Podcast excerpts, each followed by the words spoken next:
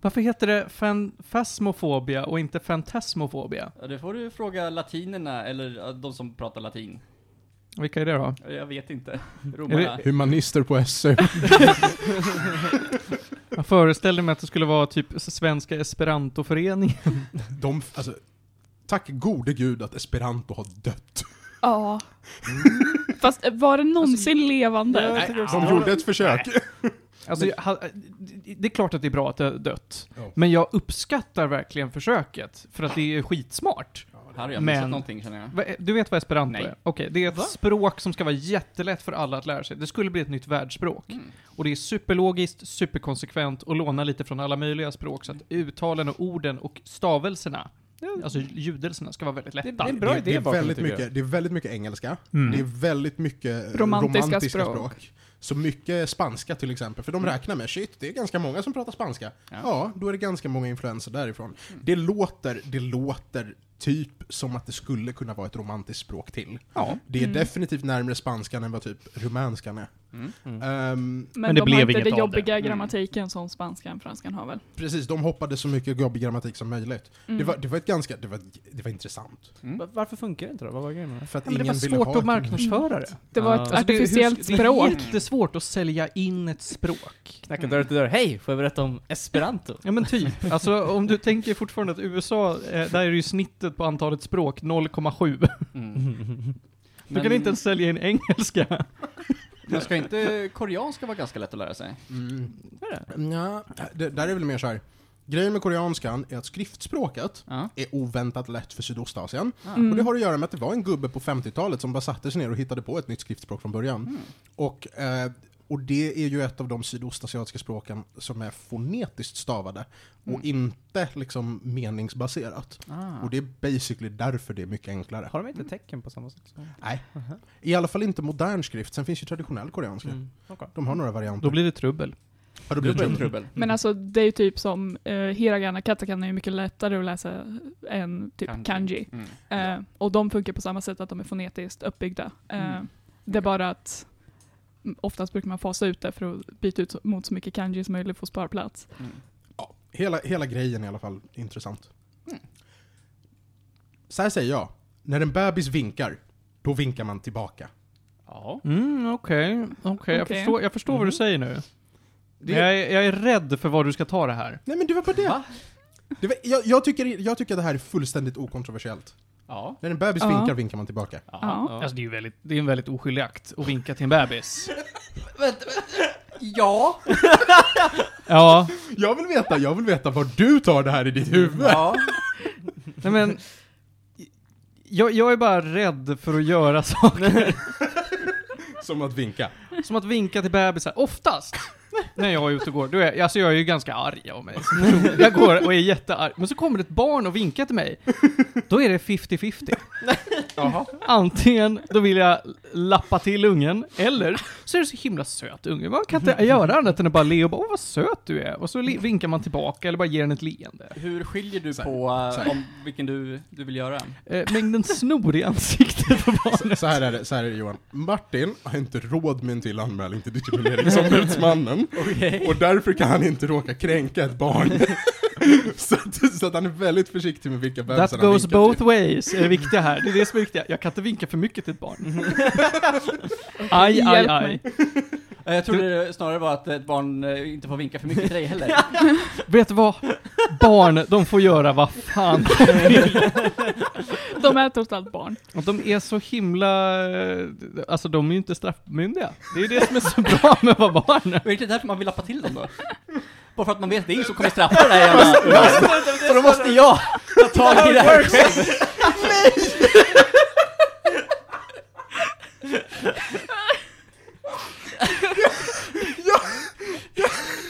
Det var det största jävla logiska varvet. De är inte straffmyndiga, så jag ska slå dem. Från punkt A till punkt Ö. Ja, är, det så här, är, det så här vi, är det så här vi träder in i, i marknadsandelen som är blattemammor? Ah. Johan är på er sida hörni. Jag finns för er. Han gillar konceptet chunkless. Du har tofflar nära till hands för Jag varje. tänkte precis säga. Johans Tofflor AB. Snart är en hemsida nära er. Ni försöker stjäla mitt skämt här guys. ja, precis. Åh. Och här kommer introt.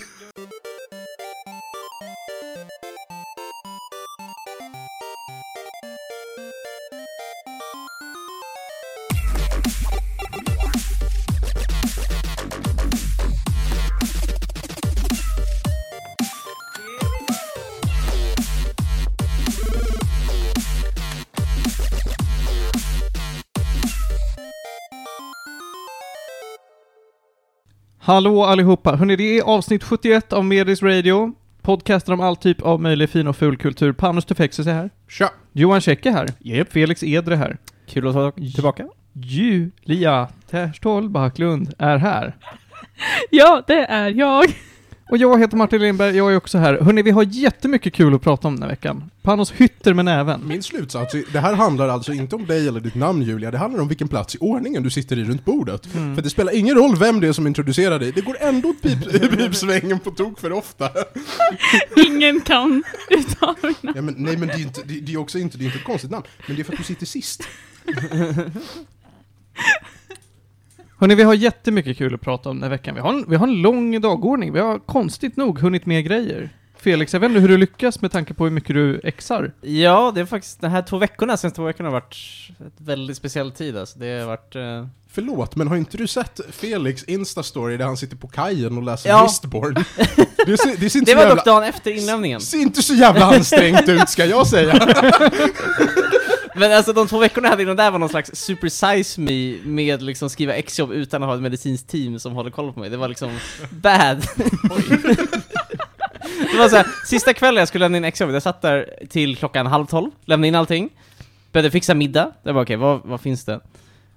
Max finns. Jag gick till Max och jag tror jag aldrig köpt så mycket mat på Max någonsin. Jag, alltså det var helt sjukt, jag var Vänta, så... var Max uppe? För alltså Ja, jag... stänger vi tolv typ? Intressant, för jag gick runt i stan för inte så länge sedan med en kompis och då var klockan typ halv nio eller någonting. Oj. Hela centrum var stängt. Det fanns inte en enda toalett i hela centrum. Oj, nej Max öppet. Men jag tror, jag tror de är öppna baserat på att man inte får sitta kvar efter Mm. en viss tid va? Jag tror det bara var Ah, hämta. Det kan vara... Mm. Men- men så, jag- för här var det liksom, det var stängt, det var inga i butikerna alls. Eh, Jag, jag har aldrig gått loss så mycket på Max, jag köpte liksom allting från chili cheese och cheese fries och lyxshake och glass och apple pie, allting. Bar hem allting, klockan halv ett på natten. Det var här efter tolv, det är sent för mig. sitta och äta liksom så mycket mat, och så satt jag bara, jag var så trött också för att jag hade jobbat så mycket, så jag bara, jag ska bara sitta och äta. Satte på någon stream, så hittade jag någon så här. jag var ganska trött så det var lite som att det var i dream state. Så jag satte på någon Asterix och Obelix stream där de spelade något spel. Det var väldigt speciellt. Och så under två timmar satt jag bara, ah, åt massa mat typ. Jag tänker mig hur du klampar in på Max. som han monopolmannen, Moneypenny eller... Money penny. Penna. vet inte vad- Moneybags. Ja, Moneybags. Ja, Och så, och så går du fram till, och så går du fram till, till kassan, och de bara 'Vad vill ni ha?' Och på bred transatlantiska 'My good sir, I want one of everything' Here's my credit card! Ja, precis. Monok nej, checkbook, monokel, liksom hög hatt, och så går ut med, med ett litet släp sen efteråt, en Dramaten. Shut up and take my money. En Dramaten. Som en liten gubbe. Men... Åh, eh, vad det är en tydlig bild jag får av Felix. Går ut med Dramaten med den oskuldsfulla blicken du har ibland. Bara, Men det är praktiskt ju. Jag vet inte vad en Dramaten är. Det är en liten rullväska. De här- Tänk, Som tänk dig en pensionärer. pirra, fast med en väska på. Bara en rullväska alltså. Ja, Fast, nej. Alltså den är mjuk och hög. Du fyller den med din mat, du drar maten. Jaha, ja, inte en vanlig rull. Okej, Ja, it. precis. Den är mer som en pirra. Mm. Men Got intressant på Twitch, eh, som har lanserat den här, vad är det, beach pool-kategorin. Ja, ja. Ja, som nästan bara, det har ju ingen beach, men det har massa uppblåsbara pooler och Mm. bikini-tjejer. ja kom... och, och den enstaka bikinikillen också. Åh! Mm. Är, det, är det här Amarant? Handlar det om Ja, Amarant? bland annat. Ja. Mm. What, what about it? Nummer, nummer ett hot tubber på Twitch. Är Amarant. det, är det en kategori på Twitch? Ja. det har Nu för blivit det typ är det. veckan. Folk som badar? Ja. man kan nämligen gå runt eh, Twitchs guidelines på att du inte får ha för mycket naket om du inte badar. Mm. Och eh, en pool är en eh, plats där man får bada. Så och en det väl- är legitimt. Mm. Precis, en väldigt slim bikini och en uppblåsbar pool är en jacuzzi. Och så har du gått förbi den guidelinen. Mm. Och så kan man ju fundera på vad man kan fylla den här poolen med. Oh. Och Twitch bestämde sig i veckan för att i princip helt omotiverat demonetize Amarant, Mm. som är typ en av de största kanalerna på hela plattformen. Som höll på med badgrejer. Som håller på med badgrejer.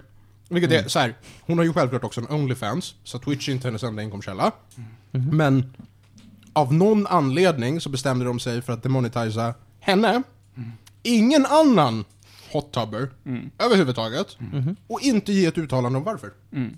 Hmm. Jag tycker ändå det är rätt beslut, dock genomfört på fel sätt. Mm. Man ska vara konsekvent.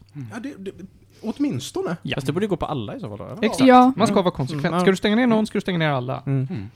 Jag- Förlåt, jag måste bara avsluta den storyn. Efter de här två timmarna satt jag kollade på stream. Jag, jag vet inte, jag hamnade på Mass Effect streams, jag kollade på allting. Typ halv fyra på natten, jag hade det värsta liksom mag, liksom så här, matkomat i mitt liv. Jag låg där i soffan och bara, ah, bara äppelpaj. Ah. när, man är, när man är så matkomig att man inte kan somna, utan man Ja, ligger det var det. Jag bara, jag Ja. måste ju sova, klockan är snart fyra. Jag bara, okej, borsta tänderna. Och så jag hade så ont i magen, jag började så här, pausa bara. Behålla min så här composition liksom och bara, okej, jag kan klara det här, jag kan borsta tänderna. Det här har varit en svår tid för dig. Det var en underlig natt alltså, det var... Okej, och sen så, sen så la jag mig i sängen och bara "Åh, kommer jag kunna sova? Och bara Okej, jag ska, så försökte jag, hade så ont i magen Och sen fyra timmar senare var klockan åtta, då gick jag upp för då, Min kropp är inställd så, så då bara Ja, jag blir väl ingen frukost då, så börjar jag nästa dag Åh, hjälp Till frukost, du går ner till max igen. My good sir, da capo. Jag är, jag är extremt besviken, regelbundet, över att Sverige inte har Donken frukost hela dagen. Vi har pratat om det här förut. Mm. Mm. Vi har pratat om det här förut. Och det har att göra med att jag skulle köpa Donken frukost exakt varje gång jag är på Donken. Men jag är fan aldrig någonsin uppe och på väg till Donken innan klockan 10. Ehm, dock stänger de frukosten vid 11 nu för tiden. Det, det gjorde de när jag jobbade i alla fall. Är det, 6 till 11? Ja. Ehm, Mhm. Men, ja, jag har ju förklarat att anledningen är för att vi har inte nog stora kök. Nej, nej, jag vet. Jag förstår det. Jag är helt med på det. Jag tror jag aldrig ätit Donken frukost Tror jag aldrig Jag har aldrig heller gjort det. Men jag, jag inte har jag varit, heller, jag har jobbat frukost flera gånger. De enda gångerna jag vet med mig att jag varit på en McDonalds så tidigt på morgonen, det är då vi har haft Lucia-konserter i Globen. mm. Och då går vi dit för att köpa burgare. Men det får vi ju inte. Får man inte Inte vid den tiden. Inte Nej. vid den tiden. Nej, Nej. De för de har, väl, inte, eh, de har inte ändrat kök. Och vet du vad man säger då? Då vill vi inte ha. Nej. För frukosten vill jag inte ha. Men jag kommer ihåg att någon gång vi skulle gå, jag tror vi hade ett, ja men det var nå- något spex tidigare, så var vi där typ klockan fyra eller fem på natten. Och då hade de inte frukost, för det var för tidigt. Ja, det vi, var för kan vi tidigt. köpa frukost Mm. snälla? Nej, det är bara Det- hamburgare. Den har jag också dragit, när jag på väg från Arlanda, lämnat av en kompis, och klockan är så här halv sex. Mm. Och bara, ska jag hänga runt i en halvtimme? Mm. för att få frukost? Det låter som jag borde testa det. Frukost är ju det bästa som finns ju. Well? Du kan ju förstöra konceptet frukost genom att äta en McDonalds-frukost. Nej, jag är väldigt nyfiken. Ja. Ska vi tillbaka till um, poddens Agendan. ämne? Ja, det ska vi. Och vi har både lite spel, vi har lite musik, vi har lite film, eh, allt möjligt trevligt att prata om idag faktiskt. Det är fan mycket som har hänt. Det är Mm. mycket som har Mm. hänt. Och vi ska börja direkt med att avsluta en tråd från, ja det blir väl förra avsnittet helt enkelt. Mhm. Eh, Johan, du och jag ska dyka in lite djupare i Exit säsong 2. Åh, hur ger det mig? Ja. Mm, ja, hur ger det mig lite vad jag säger också. ja. Jag tipsade om det som en, eh, en snabbis förra veckan, men nu, nu eh, tycker jag det är dags att ta tag i det ordentligt. Mm. Ni andra runt bordet. Julia, du har ju tagit extremt avstånd från det Ja, här. gud ja. Mm. Jag, jag är väldigt taggad. Jag har det på min lista. Jag ska se den snart. Mm. Tänkte jag börja med. Och Panos? Jag är ju per, per, av, av min natur anti-skandinaviska produktioner. Mm. Men eh, i och med Snabba Cash, som jag ska prata om senare i avsnittet, så kanske jag kommer revidera den policyn och ge Exit en chans. Mm. Vi får se. Alltså jag förstår aldrig dina teser. Varför är du emot skandinaviska produktioner nu då? Måste det finnas en principiell orsak? Jag tycker bara det mesta suger. Ja men det är för att om alla tänker så, då kommer du aldrig få några pengar, så blir det inga bra skandinaviska produktioner. Nej, men varför ska Ah. jag, så här, varför ska jag rösta med min konsumtion på någonting som suger nu men potentiellt kan Ja, bli bättre? Jag håller med på När jag bara kan konsumera saker som är bra. Och sen om det är bra så kan du konsumera det. Det är väl inte svårare än så? Nej. Nej, jag tänker att man principiellt stödjer någonting för stödjandets skull. Nej, det är tråkigt. Okej, Okej. men eh, Det om jag tar och eh, börjar stödja. SD så kanske de blir bra förr eller senare, för jag menar om vi slutar stödja dem så kan de ju aldrig bli bra. Men de har ju en politisk agenda. Förlåt, förlåt, men det är massa människor som tänker så här. Ja. På sant? Ja, ja, de, Ja. om de faktiskt får bilda regering kommer de behöva skärpa sig. ja. Det här är, det här är ett genom, genomgående argument. Folk tror att de faktiskt kan ha politik om de får vara i riksdagen ordentligt. Det här är 100% något vi inte ska prata om här. Ja. Tillbaka till Exit. Exit hörni, slutade ju så väldigt, väldigt trevligt i en första säsong i total misär. Mm. Misär, misär, alltså vartenda avsnitt börjar ju i misär, slutar i misär. Mm. Det är det eländigaste jag har varit med om sen eh, 30 grader i februari, om någon av er har sett den serien. Jag började kolla på den tror jag. Mm. Det är en riktig feelbad serie, också svensk produktion och det. Mm. Eh, hur mycket av story ska vi dra här då? Om vad som har hänt sen, Spoila sen inte sist? för mycket. Ja, vi Nej, ska jag ju har inte inte sett spoila någonting. någonting, men eh, jag har funderat lite grann på det här. Ja. På hur man ska gå igenom det eh, utan att spoila någonting. Eh, så, eh, ja men som du säger, första säsongen slutar i ganska stor misär. Eh, och där eh, första säsongen handlade väldigt mycket om eh, egentligen, ja men de här eh, fyra männens, som en partyliv och liksom, ja men eh, lite grann deras familjeliv liksom, eh, hur de, ja men har ställning till det där. Så går ju eh, andra säsongen lite mer in eh, ja, men på deras privatliv ändå, eh, ja, men mer in på deras familj och liksom hur, eh, vad de har mer för relationer liksom där. Eh, samtidigt som eh, Hermine då, som är väl vad man ändå får kalla eh, huvud, ja, men en av huvudkaraktärerna kanske vid sidan av de Mm. fyra grabbarna. Eh, hon får för sig att eh, ja, men hon ska lära sig eh, mer om ekonomi som ju Adam, hennes man, eh, också sysslar med. Jag ska inte gå in på varför hon gör det, men eh, ja, det är i alla fall en grej. Och då, och utöver då över eh, ja, men det här med familjeliv så är det också ganska stort fokus just på ekonomi och hur ekonomi funkar av den anledningen.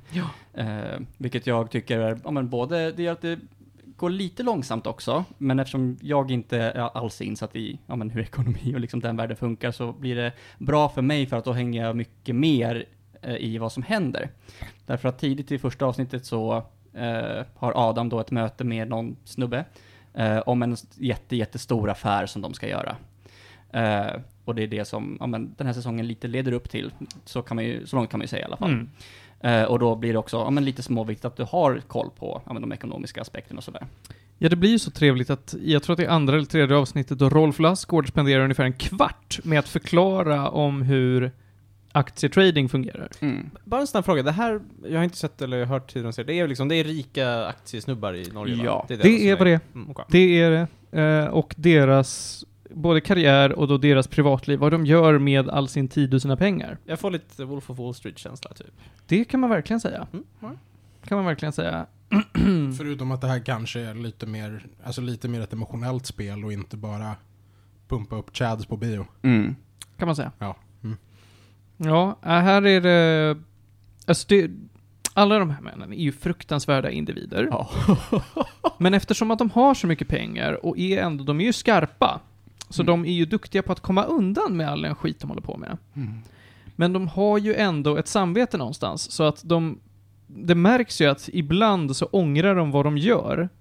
Men samtidigt så vill de bibehålla den här livsstilen. Så att det är ett, de står ständigt och dras mellan att göra det som är rätt och göra det de tycker är kul. Och det slutar ju alltid med att de gör det de tycker är kul. Mm. För att den dragningskraften är för stor och de märker ju då och då. Det, det är ju så att till slut så släpper de ju hela den här moraliska ängen på axeln. Mm. Därför att de märker att jag kan komma undan med nästan i princip vad som helst. Vilket är då eh, huvudkaraktären Adams nästan valspråk. Ja, helt klart. Eh, så ja. Men det blir ett maktspel för att den här Hermine då, hans fru, får lite... Ja men de har ju en enorm konflikt i både säsong 1 och 2, men den trappas ju upp mycket mer i säsong 2 och hon får lite hållhakar på honom. Mm. Så man tänker ju då och då att så här, kommer han verkligen komma undan med det här? Mm. Så får man se hur det går. Mm. Så det fortsätter väldigt mycket på ja, men säsong ett, eh, men eh, får lite nya vyer och aspekter. Deras beteende är helt förkastligt, förkastligt. Man sitter och, ja men man skrattar liksom inte med dem, utan man skrattar åt dem och allt skit de hittar på, ja men allt de säger och sådär. Så man sitter där och bara, ja men lite grann skrattar i chock liksom. För det är, Men det är både roligt och förskräckelse. Jag tänkte fråga, det är lite av en som en mörk komedi liksom? Eller är det, hur Ja. är känslan? Det är inte drama, drama liksom? Ja men det va- varierar mycket. Mm, okej. Jag skulle säga att det är drama-drama där de ibland märker att här har vi ett riktigt bra tillfälle Ja. för lite mörk humor. Okej. Mm. Och så trycker de in det när de tycker att det passar. Mm. Ehm, men mestadels skulle jag säga att det är drama alltså. Mm. Absolut. Den slutar också väldigt eh, öppet, så att det finns eh, rum för en säsong tre. Jag tycker nästan att den slutar eh, mer på ett sätt sådant att de vill fortsätta den kontra första säsongen som hade kunnat sluta där. Verkligen. Eh, Men andra säsongen, där känns det verkligen som att nej, men nu vill jag verkligen ha mer. Vart tar det här vägen? De introducerar också massa nya, eller massa, ett par nya karaktärer som har en genomgående story arc, men som aldrig har en dramaturgi. Mm. Utan det är bara, nu händer det här med den här personen. Det känns som att de bygger upp till någonting som inte har fått sin belöning förrän, ja, i en annan säsong helt enkelt. Mm. Tänker Ja, framförallt på Paul. ja, jag Mm. förstår att det var det du Ja, eh, kom åt där. Men, och det är också nice ändå att eh, ja, men de har eh, den heter det, kontinuiteten ändå. Eh, ja det är väldigt snyggt. Hur Mm. En karaktär som i kanske första säsongen verkar vara otroligt bara i skymundan eller ska bara användas för att introducera en plot point. Det blir en riktig karaktär. mm. Med egna motiv och känslor och Mm. relationer och grejer. Och det känns aldrig som att serien blir men, långsam och tråkig, utan det händer ju någonting hela tiden och man sitter verkligen och bara, ja, man vill veta mer vad som försiggår. Och den är, ja, det, det är den bästa, ja men, mest förkastliga serien jag någonsin sett. Den är så bra! Men den är jättebra. Men vet du vad jag tycker är dåligt? Vad tycker du är dåligt? Ljudläggningen. I både säsong 1 och 2 Mm. så är den som har lagt musiken är jättedålig på det. De har köpt på sig riktigt dyra låtar som de har valt att, nej men här, nu har vi tillgång till den här låten att spela, vi använder den. Och det Nej. finns låtar som de hade kunnat använda mycket bättre. Mm, jag håller både med och inte med. Jag tycker det genomgående funkar. Det är inte, ingenting som är bara att man sitter som typ i, eh, jag vet att jag gjorde det i, åh, vad heter den där som kom efter, Suicide Squad. Mm. Där, var det, där kändes det verkligen som att, ja men nu tar vi, massa bra musik som vi bara kastar in någonstans och det funkar Mm. aldrig. Eh, men i den här så tycker jag att det ändå funkar okej, eh, nästan alltid egentligen. Det är sällan som jag känner att bara, men vad händer nu med musiken? Men jag förstår vad du menar. Jag måste, Mm. Jag måste säga att den här serien låter väldigt lik Succession, som är en HBO-serie. Någon som har hört talas om den? Nope. Jag har hört också- talas om Succession, jag har Ja. inte sett den. Det är också en sån här rikemansfamilj då, de är så här mediemoguler liksom, som Mm. också är också väldigt mörk komedi, de har för mycket pengar och gör hemska saker. Och den är väldigt bra också. Mm. Ja, men det är ett återkommande tema. Mm. Men, men den här är, den är baserad på intervjuer gjorda med riktiga finansmän. Ja. Den är producerad av NRK, Mm. som är norska SVT. Och efter säsong ett var det NRK Plays mest streamade serie någonsin. Oj jäklar. Skitpopulär. Mm. I Sverige går de att titta på på SVT Play. Båda säsongerna ligger uppe. Yes. Mm. Jag vill också återkoppla 30 grader i februari. Mm. Eh, imponerande serie, producerades 2012. Netflix bestämde sig för att distribuera den internationellt då. Mm. Vann också eh, årets tv-drama på Kristallen det året. Finns att kolla på på SF Anytime. Ja, den finns Mm. där. Och för fan. Alltså jag, jag har inte sett klart den för jag mådde för dåligt att se den. Alltså jag tror jag såg kanske tre fjärdedelar av första säsongen innan jag bara, alltså jag, Det finns två hela Mm. säsonger. jag vet. Ja. Och det gör så ont. Men som sagt, det är också en svinbra serie. Alltså Mm. det, det är ju få serier som vill få dig att må dåligt. Mm. Det är Det är inte därför serier. du tittar på Mm. TV liksom. Och det är Mm. få serier som kan göra Precis. att du mår dåligt och håller dig kvar. Precis, Ja. det är få serier som lyckas. Mm. Mm. Det är en risk. Det är en Mm. enorm risk att ta. Mm. Och det är båda de här Mm. serierna, både Exit Mm. och 30 grader februari, lyckas med det. Ja, jag mådde nog Jag mer menar- dåligt i säsong två nu än vad jag gjorde i säsong ett, för då kände jag att jag mer satt och ja, men, skrattade åt dem, och den här Mm. kände jag att ja, men, det var lite mer, ja, men, lite skratta åt, men också bara så här, åh, mm, nej, ah, ha. Jag menar, det här ta risk är ju väldigt sant, för jag gick ut typ under första avsnittet och bara nope, Ja, just det. I will not. Ja, den, eh, den Eh. sätter igång väldigt, väldigt snabbt.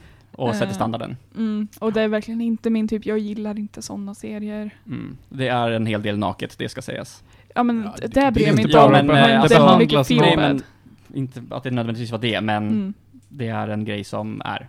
ja. Det är mycket. Naket droger, ja det är Det mycket. är mycket. Ja. Ingenting är heligt. Allt är bara rått. ja. Den är ganska kort också, eller hur? Ja, den är Åtta åtta, avsnitt. avsnitt per säsong. Och de är så här halvtimme bara, eller hur? Halvtimme till 40. Okej, ja men det, det gillar jag. Det, Mm. Jag ska nog sätta in mig där rätt snart, jag är taggad. Nice. Då så. Jag taggar redan säsong tre. På, på, tal, på tal om det här med längder på avsnitt. Mm. Ehm, Amazon håller på att producera Wheel of Time.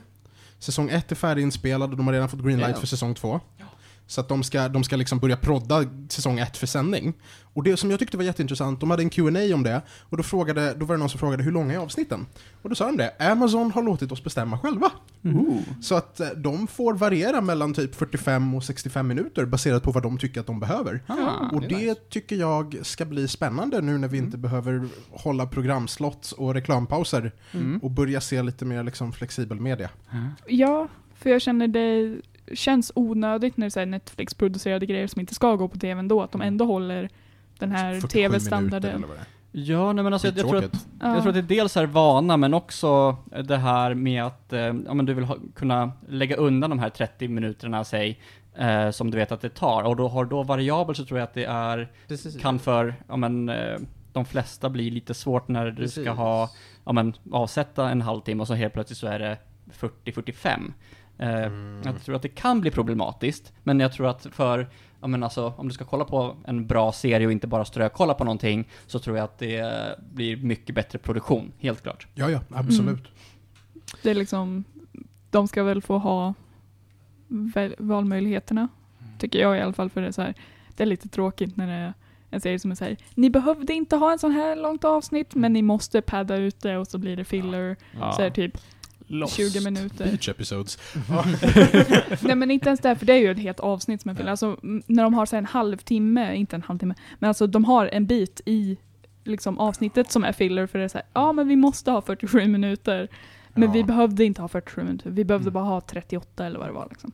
Neon Genesis Evangelion, handen, när de håller, när de håller i. Oj, oj, oj. Ja. Oj, Det är en lång, lång scen. Hör du Johan, Mm. ska vi avsluta det här? Mm. Vill du ge dig gäddor? För jag kan inte. Alltså, jag ger en lätt 9 av 10 minst. Alltså den är så vidrigt bra. Var, var den bättre än första säsongen? Eh, på olika sätt skulle jag säga att de är bra. Skulle jag också säga. Mm. Därför att eh, på något vis så blir ju eh, den här, ja men chocken blir ju lite mindre. Så första säsongen blir ju lite mer, ja, Wow-faktor typ. Exakt. Eh, eh, och andra blir ju mer, uh, ja men, påbyggnad av karaktärerna. Eh, så jag skulle säga att de är bra på olika sätt. Exit säsong 2 och säsong 1 finns på SVT Play. Eller om du bor i Norge, finns det säkert på motsvarande NRK Play eller någonting. Mm. Då så. Hörni, vi går vidare till eh, och pratar om lite spel istället. Felix, Mhm. Du har spelat Hollow Knight i eh, säkert din hela Fyra upp, uppväxt. Det har inte, till skillnad från Kentucky Route Zero så har jag bara spelat det här spelet i år. Oj! Över åtta år. Så att det har... Är du, är du klar? Jag är klar med det. 107% stannar jag på det. Så Oj, jag har oj, spelat det här oj. rejält. 45 timmar in tog det. Hoppsan. Jag började spela det här, Ja. eh, en eller två kvällar, sen så Mm. har jag inte plockat upp det igen tyvärr. Nej, alltså det var jäkligt kul. Ja, alltså jag är jättetaggad att snacka om det. För det är också ett spel som, det kom lite från ingenstans. Det var mest några kompis som rekommenderade till mig, så till slut så skaffade jag det och spelade. Eh, Så Hollow Knight är ett indiespel utvecklat av Team Cherry från Australien, tror jag. De är typ tre pers. Och spelet kom ut, eh, jag tror 2017, så det är inte jättenytt, men det är ju så att... Eh, Och i det här spelet, som man kan, jag tycker jag kan beskriva som ett Metroidvania med väldigt starka Dark Souls-influenser. Det är väldigt påminnande om det.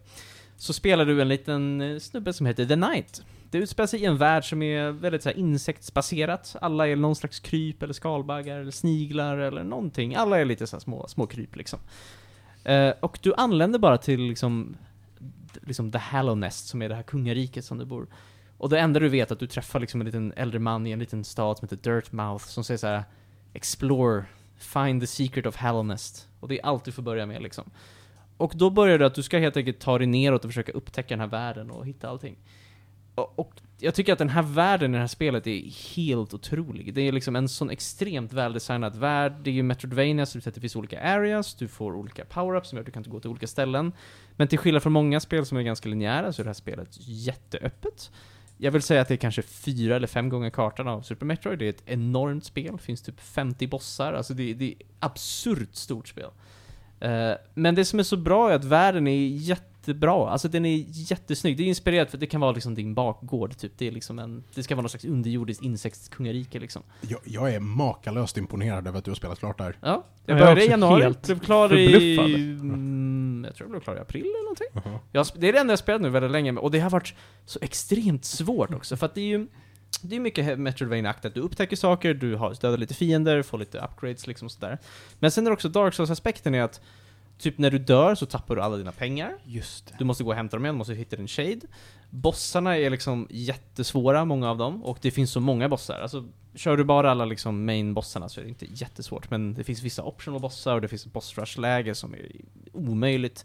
Så att det finns skill-capen är liksom jättehög. Men det som gör combaten och allting så kul också, är att det finns ett bildsystem. Du har liksom olika badges du samlar på, som du hittar genom exploration eller gör lite quest och sånt. Och alla de ger dig olika abilities, och genom det kan du bygga en bild liksom. Så jag byggde typ oftast en, någon slags melee-bild där man var väldigt snabb och skadade mycket, men du kan bygga ett, en mage typ som är mycket starkare på magi, eller du kan vara bättre på typ så här, liksom röra sig runt med agility och sånt där liksom. Och ofta så byter man ut det, ibland om jag fastnade på boss så byggde jag om min karaktär för att vara lite mer starkare, men inte lika mycket exploration-grejer liksom. Och jag, jag vet inte, det är bara så här, jag, jag är helt liksom, lyrisk för det här spelet, för att jag, det gör inget fel. Alltså, låren är jätteintressant. Det finns så mycket lore. Det är liksom Dark Souls-nivå med backstory och karaktärer och storylines och liksom så mycket content. Och det sjuka är att det här spelet, fullpris är 150 spänn. Och det är typ 45 timmar långt. Alla DLC är gratis, det är liksom... Det, det jag hör här är att de har, tagit, de har tagit väldigt många element som är trendiga att ha i Mhm. spel just nu, och bara gjort det väl. Ja, alltså så här, ja, om jag, jag, precis, jag har också tänkt på det. Så här, att, om man jämför med alla Metroidvanias spel i den här genren spelat, så det här spelet tar influenser för väldigt mycket, men gör allting bättre. Alltså så här, det finns, musiken är jättebra. Exploration är så rewarding för att du, vart du än gör det, upptäcker någon challenge eller någonting, så är det, det leder till någonting. Du får någonting av att testa allting liksom. Det finns massa av, liksom, det finns en combat arena, du kan få extra grejer, det finns jättemånga bra karaktärer som ger dig, på samma sätt som Dark Souls, de har alla sina egna storylines som du stöter på på olika ställen, så de har sina egna val och beslut liksom, som du kan stöta på. Liksom det, jag har inget fel med det här spelet. Alltså, så att det enda är att det kanske är, det finns vissa grejer som är extremt svåra, så att det är vissa grejer som man kanske missar om du bara, du klarar inte av vissa saker. För att typ, jag gjorde inte alla boss, boss rushes, för att de är typ omöjliga. Och det finns lite grejer man kan missa det. Men ja, det, det finns liksom inga andra problem med det här spelet. Alltså, och jag är så imponerad, det är tre pers som gjorde det. Det är, är så sjukt imponerande. Ehm, Det här spelet har ju fått fantastiska betyg. mhm. Eh, Det jag tycker är intressant här är att Metacritic har gett det högst betyg på Switch och på Xbox One. Mm. Och Huh. PS4 scorar lägst. Och jag tror att det här bara har att göra med bekvämligheten av handkontrollen. Ja, jag tror också att när de släppte det på Switch så släppte de en typ en Collector's Edition eller någonting med extra DLC. Ja, det hjälper det är samma version också. sen på PS4 ändå, så. Jag Ja. körde det på Steam och det var supernice. Jag vet inte, bara ett spel, jag liksom fortsatte gå tillbaka till gång på gång, på samma sätt som jag gjort med många Dark Souls-spel, att jag fastnade på en boss och så satt jag en kväll och bara försökte möta en boss, och så klarade jag ändå inte, så bara, ja, nä- nästa dag kanske. Det ska komma en uppföljare. Ja, Ooh. det ska komma ut, man vet inte riktigt när, Silksong. Mm. Och det ska vara ett helt nytt kungarike, jag är supertaggad. Kanske i år, man vet inte. Får se när de är klara. Preliminärt släpps det till datorer och Switch.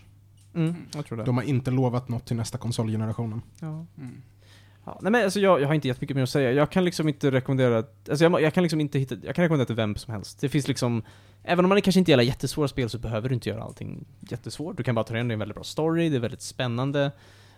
Det viktigaste är väl typ om du gillar exploration och liksom så här det här hitta upgrades, bli starkare, den delen är ju, för i början är du väldigt svag. Du liksom, saker som att du måste själv skaffa en karta och en kompass i början. I början har du ingenting, så det är liksom, det tar lite tid att komma igång liksom. Det är lite långsamt, och sen så blir du så mycket starkare och det, ja, det är det liksom. Om, om man nu inte gillar utmanande spel, Mhm. skulle det här kanske vara ett spel man kan kolla på streamat? Eller, Absolut. eller genomspelat, liksom, en playthrough. Alltså det viktigaste är exploration, men combat är också väldigt stort, så att, Mm. men alltså är man inte jätteförtjust i det så är det värt, alltså så här, bara för låren och bara veta hur, jag är liksom, jag bryr mig så mycket om de här små insektsmänniskorna liksom, jag vill veta vad som händer med dem. Och därför är jag också väldigt taggad på uppföljaren. Uh, nej men alltså jag tror det här spelet hamnar i min topp 5 någonsin kanske, alltså så här, det är uppe med Dark Souls och Bloodborne och sådana spel, det är liksom Alltså det enda är att det är ju ett mindre team, alltså så att det är ju 2D-spel. Men för vad, men liksom så här, jag har aldrig hittat ett spel som har mer liksom värde per krona eller vad man ska säga. Alltså för så lite pengar det kostar får du ut så mycket av det liksom. Så att, eh, nej jag vet inte. Jag, jag har inte jättemycket mer att säga men det får lätt en, alltså jag kommer ge en tia. Det är fantastiskt. Det är liksom det är helt otroligt liksom. Det är, nej, helt magiskt. Hur många timmar hade du i slutändan? Jag tror jag slutade på 45, eller sånt här, 45, 46 någonting. Eh, och det är, alltså det det är ändå så här, jag trodde i början, det, det här är väl 10 timmar kanske. Men när jag väl märkte hur stor, alltså kartan är så här, det här är ett spel där kartan bara aldrig slutar växa. För man bara, ah men det är så hit man går. Så, Oj, här var det till här. Oj, här var det till. Och så bara, det bara växer och växer och växer och blir bara större och större. Och det roligaste om man vill spela är att inte kolla upp kartan i förväg så man inte vet hur strukturen ser ut. För att det är liksom en väldigt kul värld att upptäcka. Det är mycket saker, hemligheter där och sådär. Och mycket, ja men bara allting från karaktär, dialog till roliga hemligheter och minigames och allting liksom. Det, jag, vet inte, jag rekommenderar det starkt till liksom alla. Det är supernice spel. Okej. Jättebra sätt att spendera fyra månader på att spela. Det här, jag, jag har velat spela det här spelet, men jag blandar alltid ihop det med ett annat spel. Mhm. Salt and Sanctuary. Är det något ni har hört talas om? Nej, det fanns ett par spel jag hade kunnat tänka mig att du skulle... Jag skulle säga kunna- Shovel Knight eller någonting. Ja, Nej då, för det, det har ju pixel art. Ja, det har ju inte det här direkt. Nej, det här är lite mer handritat. Ja. Jag tycker att när jag Salt tittar and på Salt and Sanctuary. Och det här, då är det typ samma spel om jag inte, om jag inte ser dem side by side. Det, det är i alla fall väldigt liknande layout. Och jag vill minnas att det också är ett Metroidvania med lite inspiration från Dark Souls. Mm. Mm. Och jag har hört, jag har hört lika bra lovpris om bägge spel. Alltså Mm. i mitt huvud så är det liksom, men det är typ samma spel fast inte. Ja, alltså just indie Metrovanias finns Ja. ju hur många som helst. Ja, men verkligen, precis. den, hela den genren. Jag vet inte om det är för att de bara inte gör mer Metroid nu, så de bara boomat med indiespel istället. Men, Ja, i väntan på Prime 4. ja, men precis. Men Ja. om vi får det här istället så jag klagar inte. Det här är... Hade du spelat Ora and the Blind Forest? Ja, första spelet, inte andra. Mm. Det är nice. Jag har aldrig tänkt på att man skulle kunna säga Ori det. Ori. Jaha. Jag tänker alltså som Ori.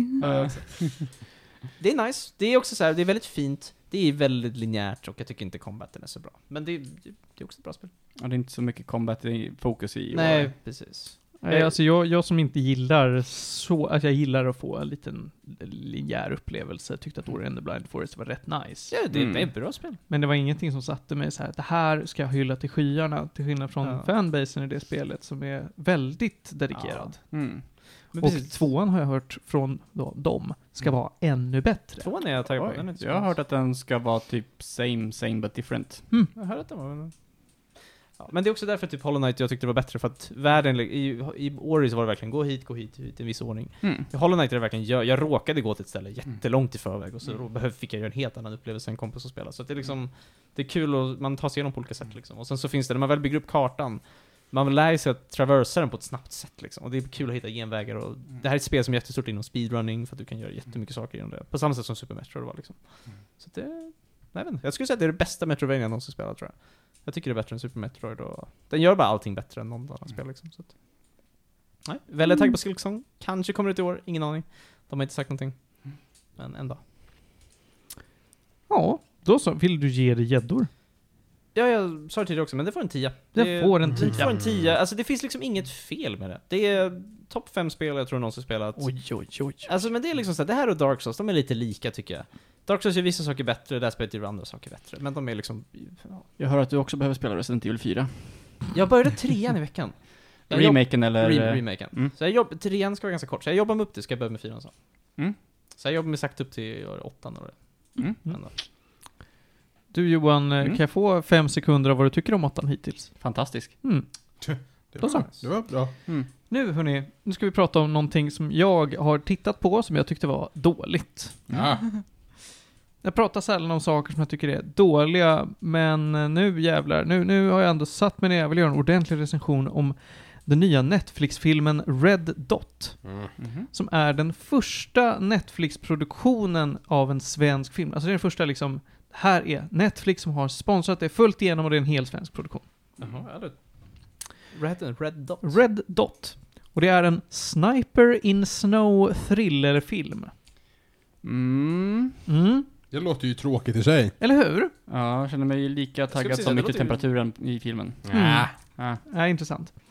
Eh, Den här filmen är regisserad av Elaine Darborg. Det är alltså han som har regisserat Jönssonligan Den perfekta stöten. Var det inte den som fick jättedålig kritik? Jo, men vem är det som spelar huvudrollen i Jönssonligan Den perfekta stöten? Simon J. Berger? Det är Simon J. Berger som också spelar Adam i Exit. Mm. Callbacks. I rollerna så ser vi inga med så här världens toppenkarriär. Vi har eh, Johannes Bah Kuhnke, som jag minns mest från Äkta människor. Och sen har vi Nanna Blondell, som är den svarta tjejen i eh, Poesi för fiskar-sketchen Negerboll. Du- Hon! Va, va, vad kallar Hjälp. Ja, nej, okej. Hon är med och spelar den kvinnliga huvudrollen i den här filmen tillsammans med en skådis som jag inte har sett förut, som heter Anastasios Solis. Ja, titta på mig. Ja, Fan vet jag. jag tänkte ifall du ska Lät rätt, det var mitt uttal. Född till en grekisk far och en finsk mor. Så pass. Mm. Den här filmen handlar då om eh, paret David och Nadja som har, eh, de har precis, de ska, va? Ja, varför jag inte vet vem Anastasios Solis är, han har spelat en massa Johan Falk-filmer. Det är därför jag inte heller har någon aning om vem fan det är. Exakt. Nåväl, eh, de här, eh, det här fina paret, David och Nadja, de har ett ganska knackigt äktenskap. Det, de, de, alltså I början av filmen så friar David till Nadja. Sen framgår det aldrig om de faktiskt gifter sig eller inte, utan det blir en timeskip. Ett par år. Det är väldigt romantiskt. De friar på, på Davids civilingenjörsexamens eh, eh, tillställning. Och sen klipp framåt till att de har ett tråkigt och dåligt äktenskap. För att rädda det så säger David, men vet du vad, jag tar ledigt från mitt jobb, vi tar en weekend på en fjällvandring. Uppe i, vad fan hette det, Björndalen tror jag det kallas in, in universe. Mm. Intressant. Eh, så de åker upp med deras hund, är ute i eh, snö och vinter och vandrar och sen en natt när de ligger ute på slätten så dyker upp ett eh, rödpunktsikte på deras tält. Mm. Ja, som från ett eh, jaktgevär eller någonting. Mm. Och det är inget kul. Och sen Mm. blir det en, en thriller av det här. Right. Och den här filmen är dålig. Alltså, jag måste säga på ytan är den film jag tycker låter jättespännande. Ja visst. Ja, visst. Ja, men jag förstår- Tält, wow. Ja. Sniper. Alltså, hade vi slängt in Bruce Willis här, då hade jag känt wow, det här, Ja. det här har vi någonting. Eller, Men alltså, så här, så här.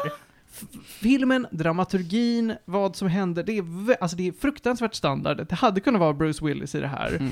För då hade det behövt vara lite mer action kanske. Mm. Nu händer det ju saker, de måste ju fly från någon med det här fina rödpunktssiktet och Mm. det blir, de hamnar i ett björngryt och de Mm. hamnar i en isvak och de hamnar i slagsmål med lite, vad ska man kalla dem för? Rasistiska norrlänningar. Aha, Lennart Jäkel. Nej men alltså det är nästan så. Ja. Det är nästan så. Eh, Eller Rolf för, alltså, ja, men det, ja, eller hur. Men det finns liksom... s- Det, det känns som att det är en svensk film gjord för svensk publik, men det är det ju inte. Det är ju en för, för en allmän publik. Det är en Netflix-produktion som liksom har släpptes i USA innan den kom i Sverige. Jag tänkte det är hela Worldwide Netflix liksom. Mm. Mm. Så är det. Eh, men tittar jag på det här som svensk skulle jag säga att okej, men vi, det finns ingen skurk Mm. i, i, i Sverige på riktigt, så de måste försöka skapa en skurk. Vad är det värsta vi har? Men vi har främlingsfientliga norrlänningar, de kan vara skurkarna. Mm. Och jag köper inte. Eh, jag vet inte om det skulle vara så att det är bara för att jag, jag har svårt att se godtycklig norrlänning som säger nej men du är en bad guy. Men ja, whatever. Eh, det som inte funkar, om vi går tillbaka till det då, för att resten är så här, men det är väldigt standard. Det som inte funkar, det är manuset. Manuset är bedrövligt. Jag köper knappt relationen mellan de här karaktärerna och vissa repliker är jag ens alltså förbluffad över att de lät vara kvar. För det här är inte en spoiler, men väldigt tidigt i filmen så introduceras det att David tycker om Battlefield. Han sitter och spelar, Spelet, ja. han tycker om att spela Battlefield. Så han sitter i sin soffa och spelar Battlefield och så kommer då Nadja in och säger eh, du, du som jobbar hela tiden, du kan väl hj- hjälpa till lite här hemma? David svarar, men jag orkar inte. Ja, men du orkar sitta och spela Battlefried. Det heter Battlefield. wow. Bara att de har haft kvar den repliken är jättetöntig, men det visar sig bli en viktig plot point. Ah. Därför att David mitt i filmen kommer på att, men vänta. Alltså det är typ som att han måste, han skjuter ett skott, så laddar han om i ungefär fyra sekunder. Det är precis som i Battlefield. Och då spydde jag mig själv i munnen, för att de ville att det här ska vara en viktig plot point. Här är, här är någon som har skrivit manus som har vaknat ur 20 år koma.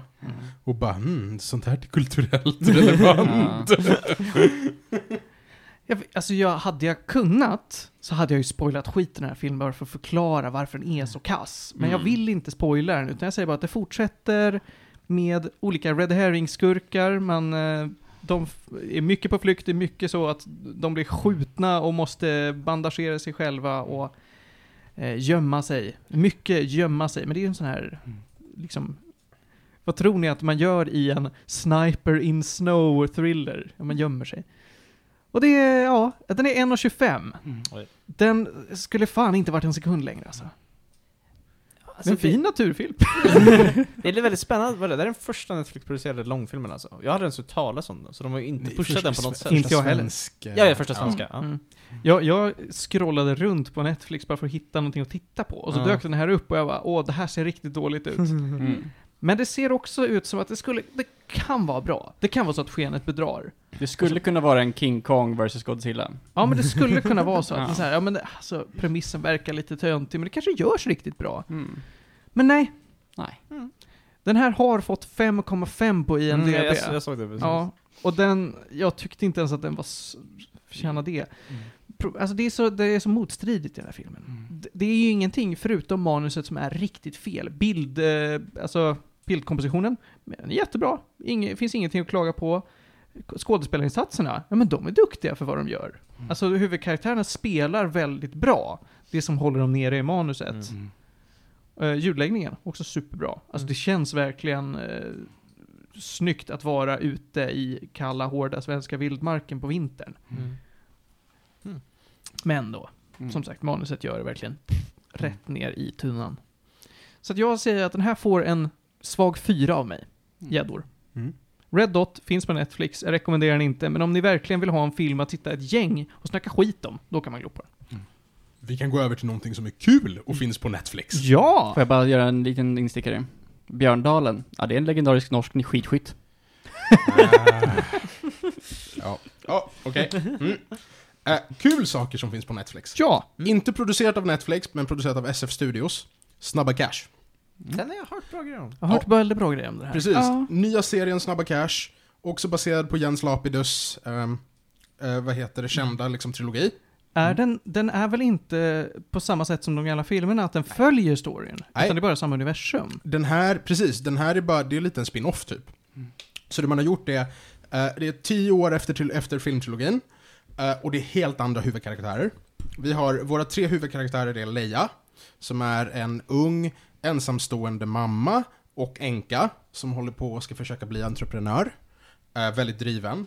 Vi har Salim, som är en hitman. Och vi har Tim, som är en 15-årig svensk pojke som växer upp i orten och hamnar i trubbel för att han försöker bevisa sig. Mm. Och, alla, och det de alla har gemensamt är att de alla på något sätt är kopplade till Ravy. Och Ravy är liksom en druglord, eh, han är farbror till Leias barn, han är Salims chef och han blir Tims chef också i princip i slutet. Eh, och det är sex avsnitt, de pågår ungefär tre kvart. Det är liksom, det, det, materialet går snabbt att ta sig igenom och man fastnar. Eh, och, och det är verkligen, det är så här, det är liksom det mörkaste, värsta sidan av Stockholms kriminella undervärld. Det är jättemycket knark, det är rätt mycket våld. Ehm, det går ut för. Det går ut för jävligt snabbt. Jag tycker den är skitbra.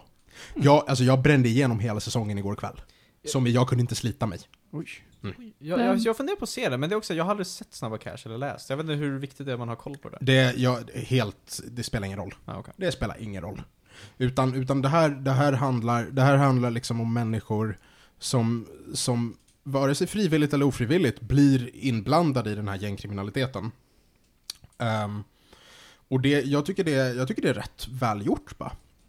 Sen är det så, allt är inte jättevälgjort. Eh, det finns vissa karaktärer, vissa av sidokaraktärerna som är liksom ganska bristfälliga. Ravy köper sitt knark från en, en, liksom, en handlare som heter Marco. En av de absolut sämsta karaktärerna. Mm. Eh, en superrik, excentrisk entreprenör som heter Thomas Storm som Leia ska jobba med. Alltså det är ju typ knappt något skådespel. Snubben går runt och bara gormar. Men, men huvudkaraktärerna är väldigt välspelade. Extremt välspelade. Och sen är det så här, den här är, den är producerad av liksom Jens Lapidus tillsammans med Oskar Söderlund och Jesper Ganslant. Eh, inte kända för någonting viktigt. Jesper Ganslant har hållit på med, han är känd för Falkenberg Farewell Ja, ja. gammal indiefilm, fick några priser internationellt. Men annars är de inte, de är inte jättekända. Eh, med tanke på att det är tre svenskar som har skrivit det här så är det förvånansvärt så här. Jag skulle inte säga att de fångar lingon alltid, men de fångar tonen. Dialogen är bra, rytmen är bra, musiksättningen är rätt bra. Uh, themesången är bland annat Greek Zoo. Jaha. Det, Oj då. Ja, det, nej, men det är kul. Mycket hiphop. Ja. Den är bra. Alltså, det är bara sex avsnitt. Det är liksom would recommend med den längden, för det är väldigt lite investering för väldigt mycket kul tittande. Är den avslutad liksom, eller är det, det kommer mer? Eh, Jag tror de har fått eh, grönt ljus på en säsong två, faktiskt. Så det kommer nog komma mer, och den, var, den, är väldigt, den har blivit väldigt, väldigt populär. Ja, verkligen. Ja. Jag tycker också det är kul, för det är en väldigt stark, eh, driven kvinnlig huvudkaraktär. Hon är toppen. Hon är helt fantastisk. Jag har sett henne i trailern. Hon verkar ju super... Alltså hon, hon säljer verkligen in trailern. Ja, Hon ja, gör trailern. ja, ja, det är hon som gör trailern. Mm. Absolut. Det är ju, det är liksom, det är väldigt mycket hon, och sen händer det grejer runt om. Precis. Eh, jag vill också bara påpeka, det här är ganska roligt, han som spelar Ravy heter Dada Fungula. Eh, ge, precis, gemensamt efternamn med vår gamla gympalärare. Eh, så det är väldigt, Possible relation. väldigt ja precis, jag, jag ska gräva vidare i det här. Ja. Ehm, eh, högt rekommenderad. Det, det är en spontan 8 av 10 faktiskt. Cool beans. Cool beans. Ha, hörni ni. Eh, vill, Ska vi prata ännu mer Netflix kanske? ska vi prata Oj. ännu mer Netflix kanske? Det kanske vi ska. Faktiskt. Mhm. Därför att nu så har ju säsong två av Love, Death and Robots kommit ut. Fuck yeah. Mhm. Mycket kortare än den förra. Mm. Tio avsnitt kortare va? Eller? Ja, Ja, och så är det. själva avsnitten var kortare också. De var väl mellan 5 och 8 istället för så här 8 och 13 eller någonting. Det var, nej, det var något Nej. längre avsnitt. Ja, då, det Ja, men det var ett 20 som var så här, typ 12 minuter eller någonting. Ehm, Det var mindre material Ja. överlag. Mm. Jag minns inte om det var någon av er som sa det, eller ifall det var Joaquin som sa det, vän till programmet. Men han beskrev det som Mm. att det här är inte en ny säsong. Det här är de avsnitten de sa, äh men vi sänder inte de här. Hmm. fast det är väl... Nej, de har väl... Alltså de här är nyproducerade. Jag vet, men han tyckte att det kändes så, Jaha. för han tyckte kvaliteten Det var, var lägre. liksom. Som var... Ja. Vilket är intressant, för jag tyckte ändå att kvaliteten höll sig och att de, alltså skillnaden mellan säsongerna för mig var att första säsongen var väldigt mycket wow, vi testar coola animationer Mm. och vi ska göra jätteexperimentella grejer och vi har typ Beyond the Killer Rift eh, som är, de har vissa scener där som är bara allmänt ovärt. eh, men det var mycket så här shock value i första säsongen tyckte jag. Mm. Medan den här, alltså det var ju typ tre, fyra avsnitt eh, som länkades ihop lite utan att de ihop? ville. Ja men de behandlar samma tema och det ja, var liksom, sure, det, det köper jag. eh, det var mycket mer filosofiska frågor lite grann. Eh, som Det- de försökte förklara istället för att bara vara så här: wow, what if robot? Jag tycker det är väldigt viktigt att lägga in en reservation mot att kalla det här för en säsong. Det här är Mm. volym två. Det är en antologi, Sant. de är inte sammanlänkade. Även om, även om jag håller med om att det är fler gemensamma teman, den Mm. här volymen, så ska man inte se på dem som kontinuerligt material. nej, nej, nej. Utan man måste nog se dem självständiga. Mm. Mm. Och som sagt, det var fyra som råkade behandla samma tema. Jag håller Eh, med dig. Jag Fast på olika sätt gjorde de ju. Det Mm. var, jag tyckte det var jätteintressant. Mm. Och jag tycker det är orättvist att jämföra volymer med varandra när den ena är 18, voly- eh, Mm. 18 avsnitt och den andra är 8. Därför att mängden minnesvärda eller fantastiska, eller vad man nu ska kalla det för, avsnitt på 18 kommer vara fler än andelen fantastiska eller minnesvärda avsnitt på Alltså, 8. Jag håller med om det, men jag tycker samtidigt att det var något avsnitt den här säsongen som var jättebra. Jag tycker alla generellt var, hade en hög nivå. Det var något jag tyckte var okej, men det var inget som var jättebra som första säsongen tycker jag. Jag vill bara påpeka, det längsta avsnittet den här säsongen är 18 minuter. Okej. Och det är Pop Squad. Ja, Och Pop Squad Den var bra. ska, jo, jo, men hade du frågat mig innan Mm. jag kollat upp det, då hade jag inte sagt att den var 18 minuter, för den var definitivt intressant Mm. och liksom engagerande nog att man knappt märkte att man Mm. såg den. Det gick liksom, Den håller jag med om, den gick väldigt snabbt. Väldigt snabbt. ja. Påminn mig, vad fan är Popsquad? Eh, det är olagligt att ha barn. Ja, ja, Mm. naturligtvis. Är det en värld som du tycker om? Nej, nu ska vi inte ta in mina politiska åsikter i det här. Men, men, men alltså, det- jäv, det var ett jävligt bra avsnitt. Ja, Ja, jag tyckte verkligen. Det det. var ett av de bästa. Jag tyckte det var ett av de bästa. Jag var också väldigt förtjust i Snow in the Ja, Desert. den, det var nog min Ja, favorit tror jag. Den var Den nog... var riktigt fin. Eh, jag var lite orolig för den, för jag hörde folk nämna att åh nej, Snow in the Desert, nya Beyond the Killer Rift. För jag gillade inte Beyond the Killer Rift Oj. på grund av att de hade en sexscen som pågick alldeles för länge, särskilt när den är animerad eh, och hy- ska Åh, försöka vara Mitt hyperrealistisk. lilla sommarbarn. Eh, jag tyckte inte om Beyond the Killer Rift, så jag bara åh nej. Eh, och sen så kommer den och jag bara, aha, det var inte så farligt, den här Mm. var ju bra. Det var samma studio också som Beyond the tror jag. Okej. Det är, ja precis, det är Unit som har gjort den. Och det är Unit som har gjort Snow in the Mm, Desert. Det stämmer ju det faktiskt. Mm. Jag, tycker, jag, tycker, jag tycker faktiskt studion som utmärkte sig var Blur. Det är de som gjorde Pop, eh, Mm. eh, Pop Squad, och det är de som också gjorde eh, Life Hutch och Drowned Giant. Ja, ja. Mm. Jag tycker de utmärkte sig den här säsongen. Det tycker Ja. jag är de konsekvent finaste avsnitten att kolla på. Ja. Animerat absolut. Jag tycker Ja. de, båda, de var verkligen nice. Eh, jag tyckte storyn bakom Drowned Giant inte fanns. Den det- var, det den var var väldigt story. filosofisk bara. Precis, Drowned Giant är väldigt, väldigt slappt existentialistisk. Ja. Den försöker inte driva igenom Nej, någonting. den var bara lite, Det är lite som Blue. Det här hände typ. Det är det här blåa avsnittet från... Zima Blue. Zima Blue, Ja. precis. Ja, jag såg aldrig den. jag är inget Mm. fan av båda. Jag gillar framförallt inte Sima Blue för att den är enormt långsam. Den är så Ja. jävla långsam. Den här är ändå... Alltså, Drowned Giant tycker jag är såhär, ja men vad fan, den är lite trevlig, den är kul att titta på. Sima Blue tilltar inte mig alls. Mm. Jag tycker tråkigaste avsnittet den här volymen är helt klart Automated Customer Service. Ja, Ja. Skittråkigt avsnitt. Absolut. Mm. Och The Tall Grass. Tall Den Grass var tyckte okej, den var lite jag spännande. klarar inte av The Tall Grass. För den har samma problem som, eh, var det Into the Spider-Verse. Ja. För att den ja, för den har inte konsekvent framerate. Och det är skitjobbigt att titta på. När en Mm. karaktär, alltså jo men det, jag tycker det är hemskt. En karaktär rör sig liksom i 4 FPS i 3 sekunder och sen är den superslick i så här 100 FPS nästa sekund. Jag tyckte Det- den var snygg.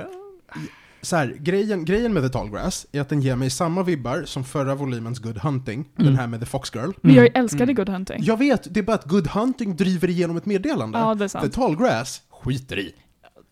Tallgrass sa inte så mycket. Nej, precis. Jag kände samma Den med kändes Ice. mycket som- Den var så här äh, Muh. bra, men den efter slut bara, bara, bara ja, okej. Ja, Eh, alltså, ja, men jag det tyckte var det, inte var, jag tyckte det var nice. Eh, det kändes som Tallgrass försökte vara lite så här, ja men, mythos, Ja. liknande. Alltså det påminner mig mycket om så här Wendigo-grejer, att så här, ja men, Mm. eh, folktales och sådana grejer. Så det kändes mycket som ett sånt avsnitt.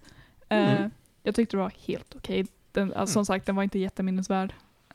Och Det, det är ju, alltså så här, alla de här är ju återigen, det är ju, alltså det är ju författare mm. som har skrivit historien de är baserade på. Så att det är väl liksom, det är såklart det kommer att vara Tydligen var, varierat. alltså Mm. den här Drunk Giant var ju skriven av samma person som skrev, no, vad heter det, I have no mouth, I must scream. Han, Är det oj! Ja, Harlan... Harlan Edison? Ja, det är han som skrev den. Ellison, förlåt. Nej, Nej, förlåt, Drowned nej, det Giant var- är det var- G, G. Gay Ballard. Det kan vara den innan då. Det var Harlan den, Ellison är Life Hutch. Life Hutch, så var Ja, ja. Ah. Den Eh, var också bra. Jag tyckte Life, den, den var också lite så här. Den hände inte jättemycket Life Hutch, men den var spännande. Den var väldigt Den var väldigt snygg. constrained Det- på ett det- sätt. Om man vet att det om, om man får höra Roboten. att det är en Harlan Ellison-historia, Ja. då bara ja. Ja, det är det. det är På, det. påminn mig, vad var Han som kraschlandar och så hittar han ett litet rum. Ja, ja, ja, ja. Du vet. Fint. Ja. Precis. Johan, du har inte sett det här än. Nej, jag eh, har tittat på annat. Så här, nu har vi försökt att inte spoila för mycket. Mm. Gör det. Så Ja. får du återkomma. Ja, jag, Mm. jag ska. Det, är- den står på listan. Mm. Hur gammal är Harlan Ellison nu? Han måste vara rätt gammal. Han är död såg jag. Han dog några år sedan. Uh, Harlan Ellison dog 2018. Mm. Mm. Ja, nej, jag måste se klart på se, ehm, första volymen för jag avslutade med de sämsta som jag trodde, eller ja, som jag sen fick läsa var de sämsta visade sig. Eh, Mm. För en, någonting med den här isfrysen och någonting med Mhm. yoghurt. Ja, Eh, de var ju bra. Yoghurt When the yoghurt came. Ja. Nej vänta, jag såg. When the yoghurt came. Men ja, den här frysen, det var några som var såhär, ja Ja. men de här bör man inte säga. Jag bara, vad bra att de var sist på min lista då. Men det, det verkar ju generellt sånt... Förlåt, förlåt, eftersom nästa år ska de släppa en säsong till så då kanske de satsar på lite kortare... Volym. Förlåt, volym. Satsar på lite kortare volymer nu för att få ut dem lite oftare kanske. Jag vet inte exakt Mm. Jag, jag tror det. Ja, det Jag, känns tror som att, det. jag tror att det handlar om produktionstakt. Mm. Mm. Tanken var ju att de skulle släppa typ varje år, det var bara att corona kom. Eh, och det var lite så här, oj vi måste stuva om. Eh, det här är ju fortfarande sevärt. Ja, Det är bara-. Absolut. Det är bara, när vi pratade om första volymen, då kommer jag ihåg att jag specifikt sa, det här är vad Black Mirror borde ha varit. Mm. Det gäller inte volym 2. Jag tycker inte det stämmer längre. Hur menar du då? Ja, så här, Black Mirror strävar ju efter att introducera eh, filosofiska koncept ur sci-fi till allmänheten. Mhm. Mycket så etiska dilemman kring teknologi. Mm. Typ. Precis, och det, det är sånt, är man, är man insatt i tankarna, då är det inget nytt. Black Mirror kommer inte med jättemycket nytt. De Mm. illustrerar det på väldigt spännande och fina sätt, Mm. men det är kanske inte alltid mycket nytt. Och i de senare säsongerna blir det väldigt mycket What if technology bad? Precis. Och jag tycker det görs väldigt bra. Håller Jag med. tycker det Ja. är otroligt bra. Det Jag gör det absolut senare men, men säsongerna så här, är med. volym 1 av Love, Death and Robots dök definitivt djupare än vad Black Mirror vågar göra. Mm. Det gäller inte för volym 2. Nej, jag tycker inte att de, eh, de, vad ska man kalla det för, what if blablabla, grejerna som introduceras i volym 2 är tillräckligt centrala för att kunna jämföras med Black Mirror. Nej men, nej, men det- det är precis, alltså, jag, jag, tycker inte det här jag tycker inte det här faller under exakt samma genre. Det är det jag ville säga med det här. Mm. Jag förstår det. Mm. Jag förstår verkligen vad du menar. Som sagt, jag, jag tyckte det fanns ett tema som ja, handlar om odödlighet som jag ändå tycker att det här kan vara någonting Ja, Black Mirror-esk liksom. Ehm, absolut. Just ja, det filosofiska kring vad händer om vi uppnår odödlighet. Ehm, Men som sagt, Jag pop tycker det, det, bra. ja, Ja. men det är undantaget som bekräftar regeln. typ. ja, exakt. Det är ett undantag. För alla, alla andra är väldigt mycket så här, wow, aesthetics. Mm. Jag måste också säga, jag tyckte julavsnittet var fint, men i slutet var det så här, ja, det, det hände inte. Jag, jag satt och garvade hysteriskt. För att, För att, för att det var bara så här. Det var typ det mest kreativa den Alltså, här volymen. ja, men ja, alltså i slutet var det så här, ja, whatever, det var, det var lite fin stop motion. men- Ja, ja, ja. Var det stop motion? Eller skulle det bara se ut som stop ja, det motion? vet jag. jag tyckte det såg ut som stop motion. Det kan vara stop motion, men det var inte claymation i alla fall. Nej det var det faktiskt inte. Ja. Det var, Ingen, ingen claymation. det var väl, eller var det, det kanske varit animerat för det ser ut som stop motion, jag vet inte. Ja, nej men bra grejer. Mhm. Mm. Ja, nej, jag kan inte ge det här några gäddor, men jag ger det en stark rekommendation. Mm. Man får kolla vidare. Det är Ja. värt det. Det tycker jag. Ja. Hörrni, ni, nu hörni, ska jag prata om lite spel. Vi ska tillbaka till spelvärlden och prata om eh, någonting så skoj som Alien Isolation. Jag har ju pratat om lite Alien nu på sistone. Ja, just Jag håller på med mitt fina Alien-maraton med Julia och Extremil och Hampus och med flera, höll på att säga. Men det är typ vi. Och då kommer jag till den punkten att jag säger, ja, men eh, nu har jag sett de första Alien-filmerna, nu har jag sett Prometheus, då är det dags att spela Alien Isolation. Har du sett hela kvadrologin? Jag har inte sett senaste Alien-filmen. Inte Co- Covenant? Ja, precis Ah, så okej, borde ja. den väl heta va? Ja, den är ganska dålig. Jag tyckte inte att Prometheus var så dålig. Nej, jag tycker den är ganska bra. Alltså så här, förvånansvärt. Nej, vi såg senast. vad sa du? Var det Mm. den som jag var med på? Ja. Den var inte jättebra. Jag tyckte inte den var jättedålig. Men jag, alltså, ni andra sa ju att ni tyckte inte om den. Ja. Mm. In any case, Nej. så Alien Isolation är ett First Person Survival Horror-spel som kom ut 2014. Till säkert alla möjliga konsoler, men jag spelar på PC. Eh, fick det gratis på Epic Games, vad trevligt. Du spelar som eh, Ellen Ripleys dotter, Amanda Ripley. Som någonstans mellan film 1 och film 2 ska försöka eh, leta rätt på sin mammas, vad är det nu då? Så här blackbox från hennes skepp. För att den har interceptats någonstans i cyberspace. Så, I cyberspace. Cybers. nej, förlåt, någonstans i space bara. ja, jag vet inte. Jag, bör- jag börjar bli lite varm här inne, svårt Ja. att tänka. Eh, hon åker till rymdstationen Sevastopol, där den här ska befinnas. Och hinner inte kliva av sitt eget skepp ombord på den här rymdstationen innan saker går åt helvete. Och eh, Hoogle Boogle, det finns en alien på den här rymdstationen. Mm. Skurkarna du har här är både alien, Mm. det är eh, andra människor och det är androider. Ni kommer ihåg, om ni har sett Alien, så kommer ni ihåg eh, Ash från Mm. första filmen. Eller du kommer ihåg eh, Michael Fassbender. Ja. David. David, ja. Ja. Eh, här är det mycket mer primitiva androider. Det här är mer, alltså det, allting det här ser ut som att det är gjort 1970 någonting. Allting är, det är väldigt artsy. Men det ser ju fult ut alltså. Men det är fult med flit och det är charmigt. Men de här androiderna ser ut som verkligen, det är en robot som någon har dragit ett silikonskal över. De är inte heller snälla. Mm. Så för att säga isolation, inte fan känner jag mig isolated särskilt ofta för att det är en jävla massa folk runt Jaha. omkring mig. Tror du inte var det? Nej, det trodde inte jag heller när jag gick in i det, men när jag märkte så här, men det, är, det finns folk här. Alltså jag känner mig aldrig övergiven. Framförallt så är det ju, eh, är ju antar jag, isolation att säga, "Åh, det är du mot alienen, den är alltid på dig. Och det stämmer ju.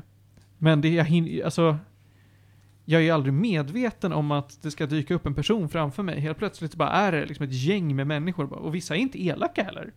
Det är det. Du, Va? ja. Det är Men- Men... NPC du kan prata med. Ja och nej. Alltså, låt mig förklara. Kan, kan man laga curry? Du kan inte laga curry. Låt mig förklara vad det är som händer här då. Du vill... eh, Ditt mål ursprungligen då är att hitta blackboxen. Andra målet är antingen ta dig av eller försöka ha ihjäl alienen eller båda. När du springer runt så letar du upp en massa gadgets som du använder för att ta dig igenom låsta dörrar. Du försöker att smyga runt och distrahera antingen människor eller androids eller aliens.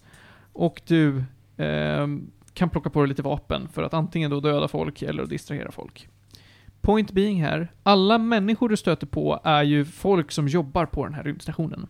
Vissa är ju rent av liksom bitch boys som bara okej, nu är det every man for himself. Vi tar och hårdar all mat och ställer sig oss och bara skjuter ner varenda en som kommer tills hjälpen är här. Andra är mer rädda för att de är osäkra på vad de ska göra för någonting. Och de skjuter inte innan du skjuter dem. Så att man måste väldigt mycket smyga omkring och lyssna på vad folk pratar om för att avgöra, är ni snällisar eller är ni dummisar? Alla människor kommer ju att skjuta på dig om du är dum. Men vissa är sådana att de typ säger åt dig att äh, men stanna där du är så skjuter vi inte. Men tyvärr så är det ofta så att de står mellan dig och punkten du ska till. Så att du säger, okej, ja, jag kanske inte vill skjuta på er, men jag måste gå förbi. Men går jag förbi då kommer ni skjuta på mig för att ni är arga. Amanda är inte så duktig på att konversera. Hon använder inte orden så mycket som hon använder typ skiftnycklar och pistoler. Men det är ju egentligen då inte det här som är det viktiga, utan det är ju The Alien. Va? Det är ju ingen Alien-film utan en Alien. Och den här Alienen är en riktig liten bitch. Den är läbbig, den är snabb som fan, den är odödlig. Och den kan röra sig omkring på sätt du inte trodde var möjligt, höll jag på att säga, men jo det är det. Som Nemesis. Ja, kan man säga. Mm. Men istället för att bara gå som Kool-Aid Man through väggar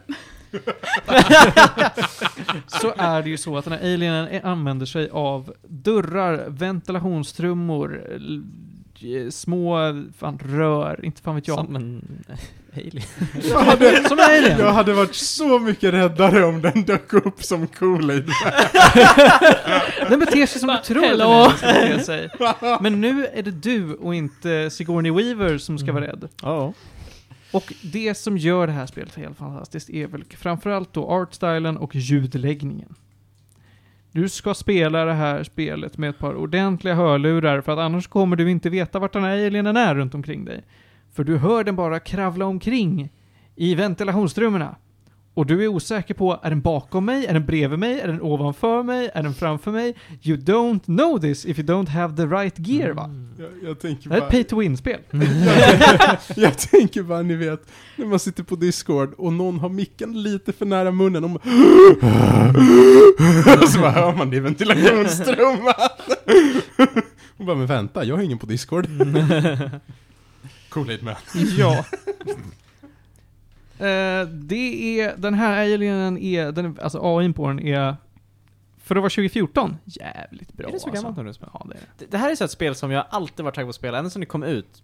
Aldrig gjort det. Men nu har jag också fått det gratis på Epic, så i år kanske jag ska Jag rekommenderar det. Det gör jag. Alltså det tog mig nio timmar. Det var läbbigt som tusan och, eh, men... Nej men det var nice. Det var en nice upplevelse. Jag ska varna om att slutet är fan, alltså det är Planet of the Apes 2-nivå för den som förstår den referensen. Det är slutet, Bad? så. Det Ja. går fort. Samtidigt så känns det lite så här. Det är lite par for the course när det kommer till Alien, för alla slut är verkligen... De kommer verkligen väldigt, väldigt direkt och sen är det slut. Men det tycker jag är dåligt. Jag tycker det har varit dåligt sen första Alien och jag tycker det är dåligt att de väljer att göra det i ett spel nu. N- Ett slut som verkligen är så här: nu är jag i full action. Mm. Nu är jag på väg någonstans. Whoop! Nu är det slut. Man bara, men Jo. det fanns väl mer? Nej, det är slut. Ja. Angry. Så, så kan livet funka ibland. Ja, Elvis has left the spaceship. det kan man säga. Jag, jag vill bara påpeka en grej. Du- För att vara ett väldigt ljudbaserat spel, så är också så här, award for the most worthless port två- 2019. Det här spelet finns till Switch. Och fy Oh. Oh. Oj. Det är det absolut mest värdelösa jag har hört. Mm. Ja. Hur ska man få en bra ljudupplevelse? Mm. Nej, inte. Mm. Nej, eh, det här spelet rekommenderar jag starkt. Det gör jag. Alltså jag ger det typ stark åtta minst. Wow. Det är- att det är, för, förlåt, alltså det är så spännande att det är gjort av Creative Assembly också. Mm. För det är liksom, de har väl aldrig gjort ett sånt här spel tidigare? Nej, de har väl gjort så här theme park builders.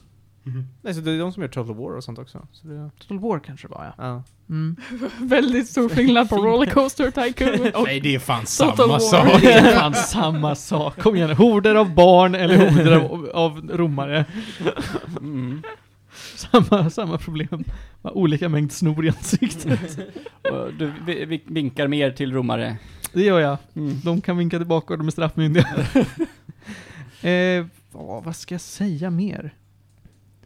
Jag vet inte vad jag ska säga. Alltså spela det här spelet, var rädd som fan. Jag kan spoila att det finns ett ställe där du går på offensiven. Du får en eldkastare och det, nu är det slut på, på flyendet. Då blir det inte lika läskigt längre. Mm. Ju större ditt arsenal blir, desto liksom mindre av ett hot blir den här, dessa läbbiga aliens. Och Ja. det, är- det är konstigt. Sen Ja. blir det också så att det här fråntas från dig efter ett tag. Så att du, du, blir, du, du tänkte att det är en power-up, en temporär power-up. Mm. Man bara, ha. Det är aldrig kul att bli Mm. downgraded i ett spel. Mm. Typ som, tänk början av Symphony of the Night. Först är du Superman, och sen blir du en nobody. Mm. Det känns rätt B.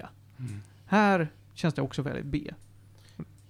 Creative Assembly har faktiskt inte gjort några, några Rollercoaster Tycoon-spel. De har gjort jättemycket Total War. Mhm. De har gjort några australiensiska ports för Sonic. Eh, de har gjort, vad heter det, och det här är det absolut bästa, Fifa till MS-DOS 93. Wow! King alltså. det, tycker jag, det tycker jag, och så har de också jobbat lite på Halo. Det tycker jag är en bra grund för att göra ett Alien-spel. riktigt bra. Jag kom på vad jag vill avsluta med. En rolig grej är att speedrunna det här spelet. Därför att här spelet är ju, eh, som sagt, eftersom att det är gjort av Creative Assembly, till en motor som kanske inte är riktigt gjord för att göra sådana här spel i, kan man tänka sig, så är det väldigt abusable. Om du fuckar med inställningen till mycket kan du sänka frameraten. Sänker du frameraten till mycket så kan du börja klippa inom saker. Och sen finns det även Psycho Running som Ja, Inte jag triggar in- alien. Jag har inte förstått det riktigt, men det finns ett sätt du kan typ skänkelvikning springa på som gör att du springer tyst. Ja. man strafar men det är snabbare än att gå. Så att man tar sig fram snabbare utan att trigga alien liksom. Ah. Ja, eh, sp- speedruns av det här spelet varierar helt från om du ska klippa genom grejer eller inte. Klippar du inte genom grejer så är det typ två och en halv timme långt. Klippar du genom grejer, 19 minuter. Nice. Du kan verkligen vara vägg, nej nej nej. no vägg. Det är mycket öppna dörrar från insidan. Ja. Men det är det även, alltså det, det finns en väldigt co- cool mekanik i det här. Och det har jag sett i andra spel också. Men det är att du kan hålla in kontroll och sen trycka på eh, förflyttningsknapparna för att luta dig i olika riktningar. Det är inget nytt. Men det görs, det är vä- väldigt bra i ett survival horror-spel. Att du kan liksom, det är inte bara att du kikar ut från bakom ett, eh, bakom ett cover. Utan det kan vara att du sträcker dig på tå för att nå någonting som är lite högre upp. Mm. Eller kika neråt för att lägga huvudet mot marken och kolla ut under något skrivbord. Det, det används på ett väldigt coolt sätt. It's good. Hur viktigt är det att man har koll på Alien? Alltså behöver man ha sett första filmen? Det är väl ändå ett ganska... Nej, okej. Det är inte så viktigt. Eh, det är ju, jag skulle ju säga att det ger ett mervärde. Men loren i det här spelet, inte det viktigaste. Faktiskt. Alien är där, it's a bad time. Japp. Det är väldigt inneslutet i sin egen historia. Du kan eh, grotta dig in i liksom vad som har hänt på den här rymdstationen. Varför är alienen där? Mm. Vilka tog dit den? Varför är androiderna elaka? Varför är folk så himla missnöjda på den här stationen i regel? För det är en ganska miserabel Mm. rymdstation. Det är coolt. Men du behöver inte ha sett någon annan film för att förstå det. Men... Nej, nej, men alltså det, det hjälper lite grann om man har koll på liksom The Wayland Yutani Corporation. Som är det här företaget som Ellen Ripley jobbar för. Mm. För de är lite centrala i alla Alien-filmer. Ja, Mm. Men som sagt, inget måste. 8 av 10 gäddor, heja! Cool. Vad har vi nu på agendan Panos? Frågar jag dig. GTFO. GTFO ska vi prata om. Jaha, hej då. Ja, ja hej då. Nej men, ehm, GTFO är en eh, survival horror. eh, ett co-op game. Eh, gjort av det svenska Ten Chambers Collective. Mm. Varit uppe som en pre-release på Steam sedan december 2019. Oj. Så hängt med ett tag. Uh, hunnit uppdateras lite grann. Det är nog mycket mer finslipat nu än vad det var när det kom ut. Vilket är varför jag också har upplevt det som en ganska bra upplevelse, en bra spelupplevelse. Vi vet inte när de vill säga att det är klart än, för det är inte klart än. Men, men de jobbar i alla fall på det fortfarande. Eh, det finns en krater. I kratern finns det en asteroid. I den här asteroiden så finns det liksom, alltså det är typ så olika underground-nivåer. Det är någon form av system, grottsystem, där det också byggts, det finns dörrar och grejer. Ja. Made in abyss. Nej, jo men alltså typ. ehm, och, och fångar skickas ner i de här, jag vet, jag vet, jag vet exakt. Eh, eh, av, av något som är känt som The Warden. För att göra missions. Ehm, man kommer ner i de här grottsystemen eh, och allting är ett fucking helvete. Det är för det mesta jävligt mörkt. Det finns sleeper-varelser från Last of Us eh, som man inte ska störa för går de igång då är de väldigt arga. Alltså de hänger liksom, de hänger och så här halvsover och så ska man snika runt dem. Um, man har vapen och man har utrustning för att liksom spåra dem och turrets och väldigt knapert med ammunition. Extremt knapert med ammunition. Ehm, du vet inte alltid riktigt vad du ska göra när du går in på banan. Det kan vara så här, hitta den här terminalen för att få information om något. Terminalerna är ganska svårnavigerade, det kräver lite commands, alltså det är nästan lite coding på det. Det är väldigt basic commands, men det är liksom, du ska, lä- du ska fatta hur du ska interagera med den. Ehm, alltså det här är ett uppriktigt väldigt utmanande co-op-spel. Det finns liksom olika strategier man kan ta. Du kan antingen sätta upp några turrets i en trång passageway, kasta in en granat och låta helvetet braka loss. Men då lär du ha slut på ammunition så att du inte klarar banan. Det är bara så. På vissa ställen finns det stora dörrar man ska ta sig igenom som utlöser larm. Då blir det lite wave defense. Alltså monstren är bättre än dig. Du har väldigt få resurser och du måste kunna kommunicera med dina gruppkamrater. Så att jag tror vi, jag spelade med min kompis Viktor och två av hans polare från Mexiko. Jag tror det tog oss tre total wipes innan vi började få upp lite rytm på hur man ens spelar det här spelet. Man måste, liksom, man måste bygga strategi, och man måste vara taktisk och man måste vara försiktig. Och till skillnad från Phasmophobia, som var ett annat pre-release-spel jag har pratat om, som också är ett co-op, så är det här spelet inte svårt för att det är mekaniskt dåligt, utan det här är ett jävligt utmanande co-op-spel. På ett liksom bra sätt. Det är inte broken, det är bara jävligt svårt. Jag gillar det. Det är låter också- väldigt kul. Det är också lite spoopy. Alltså det, det, är, det är liksom, när någonting går dåligt, när en av varelserna vaknar och skriker till, då fan dyker det upp skit. Det är liksom, man kan räkna med att går det lite åt helvete, då har det gått helt åt helvete. Eh, så det, det är ganska, det är faktiskt ganska, alltså det är spännande. Man sitter och är väldigt spänd. Kommer du ihåg när du och jag spelade igenom Splinter Cell Blacklist? Ja! Då var det också så att gick det lite åt helvete, då gick det helt åt helvete. Jag vet, men grejen med Splinter Cell Blacklist, det var att gick det åt helvete, då kunde man gå lite Rambo. Mm. Och så klarade man banan. Ja. Här kan du göra allting rätt i tre fjärdedelar av banan. Vara sjukt förberedd på att det går åt helvete och det går ändå så mycket åt helvete att du inte kommer klara det. Ingen Rambo. Nej, Nej. ingen Rambo. Rambo är liksom inte hållbart. Nej, jag förstår. Kanske lite Rambo. Om du har tur klarar du dig en bit. Alltså det, det är verkligen, det kräver mycket. Så, så lite Rambo. Lite Rambo. Helst inte Rambo. Helst ingen Rambo. Nej. Men framförallt så här. rekommenderat att prova. Så här, det här spelet kostar 35, 35 euro. Så att det är lite av en investering. Ganska mycket ändå för Mm. ett sånt Det, det är ganska mycket pengar. Ska man spela det här spelet, då ska man spela det med liksom samma sällskap. Det är inget du, det är inget du plockar upp främlingar för en session och sen Mm. aldrig spelar med igen, utan man behöver få ihop lite teamwork. Mm. Så att det är liksom något att jobba på. Alltså jag tycker sånt där spel, det låter lite som, jag vet inte varför jag får tankarna på, vad heter det, Vermintide? Men det har säkert ingen, det är inte alls likt det säkert. Men är det som en Mhm. kampanj du spelar klart, eller är det liksom en du spelar Alltså det finns några rum, Ja. och så ska man liksom jobba sig igenom Mm, dem. okej. Eh, sen skulle jag, jag skulle inte säga, det är inte någon storytelling. Nej. Överhuvudtaget i princip. Och det är ingen kontinuitet sådär, utan Mm. du blir skickad på olika missions. Mm. Och sen är det också lite procedurally generated. Du vet liksom inte alltid hur många grejer det är bakom varje dörr och var modulerna är och så här. Så det, är lite, det är lite randomness mellan omgångar och... Ja, det, det är ett verkligen... Det här är ett spel som har fokus på co-op. Det är ett spel du ska spela tillsammans med folk. Det är det det är. Men det kanske räcker. Alltså ibland så tar sådana spel och ger väldigt mycket. Bara för att det är du och dina vänner som skapar det roliga. Det enda de har gett dig är verktyg som är funktionella och bra. Det, det jag spontant tänker på när du säger så är ju Magica. Ja, gud ja. Magica har lite storytelling. ja. Den hade kunnat ha mycket mindre. Hade fortfarande varit kul. Men jag säger det är samma sak med Vermintide. Eller Left 4 Dead. Eller... eh, Mm. Ja, det kan ju i vissa fall vara till och med Payday. Ja, Payday är ett väldigt bra exempel. Ja. Ja, det är byggt för att du ska spela med folk. Precis. Mm, Och ni gör ert eget roliga med de verktyg som spelet ger er. Mm. exakt. Så det här är, det är ett bra co-op-spel. Eh, jag är inte beredd att ge det ett betyg. Dels för att det inte är färdigt, och dels för att jag inte, jag har inte kommit så jävla långt. För man spelar väldigt lång tid för att komma någonstans. Det, det tar tid, det tar effort liksom. Mm. Ehm, men det är, det är kul. Och är man beredd att lägga 350 spänn på det, och har ett gäng man vill spela det med, då är det definitivt värt det. Alltså, jag är lite så här, just för när det är liksom, vad heter de, early access, så är det lite så här, jag brukar ofta vänta tills det är färdigt. Har de sagt någonting när? Eller liksom, är det värt att vänta? Vi vet ingenting. Ja, okej. Och som sagt, det har varit i early access i ett och ett halvt år. Mm, ja, okej. Så ja.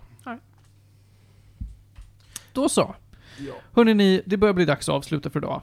Det är varmt som tusan här inne, sommaren börjar komma. Mm. Så att jag ska avsluta med tre snabba. Först och främst så har vi ju, ska vi se om jag kan få fram min lilla dagordning här, eh, Sonic Generations. Mm. Som många i Sonic-fandomen brukar säga, ja men det här var det sista bra Sonic-spelet. Sonic Generations är ju ett spel som är en eh, hommage till gamla Sonic-spel helt enkelt. Det blandar Sonic Adventure Sonic med liksom Sonic 1-4 Sonic. Mm. Och det är remasterade banor, det är remasterad musik och du... Eh. Storyn är fullständigt oviktig. Det är mest att du får utforska gamla locations, gamla mekaniker, gamla karaktärer i lite modernare tappning kanske. Mm. Och det är väldigt nice. Är det 2D eller 3D? Det är både och. Det är lite det som är poängen. Ah, aha. Du får, ha, du får spela som båda, eftersom det är Sonic Generations, Mm. så är det en tidsresehistoria. Med då både gamla Sonic, som är designad och det är en 3D-modell, men baserad på gamla Sonic 1-4 Sonic.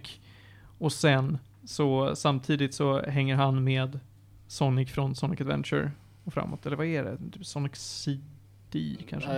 Jag hade nog sagt eh, Sonic Adventures Ja. faktiskt, han ser Ja. mer ut som den modellen. Jo, men det tycker jag med. Eh, nej, men alltså det finns inte mycket att klaga på. Det är väldigt trevligt det här spelet. Det finns väldigt få banor, men du får köra igenom samma banor oändligt många gånger för att det finns olika challenges du kan göra i dem. För att låsa upp saker som annan musik, små minigames eller cool artwork. Det är liksom... Det, det, här är en present till alla som gillar Sonic. Grotta ner i det här, få lite nostalgitrippar, få titta på coola behind the scenes-grejer. Jag har ju fortfarande 3DS. Mm, Jag har tekniskt sett två som ligger och släpar. mm. Um, skräpar mest. Eh, 20 dollar på Nintendo Store. Är det värt det? Nej. För du kom, man kan inte få det för mindre just nu. Eh, vet du, kan, du kan få det för, jag tror jag köpte det för, vad var det?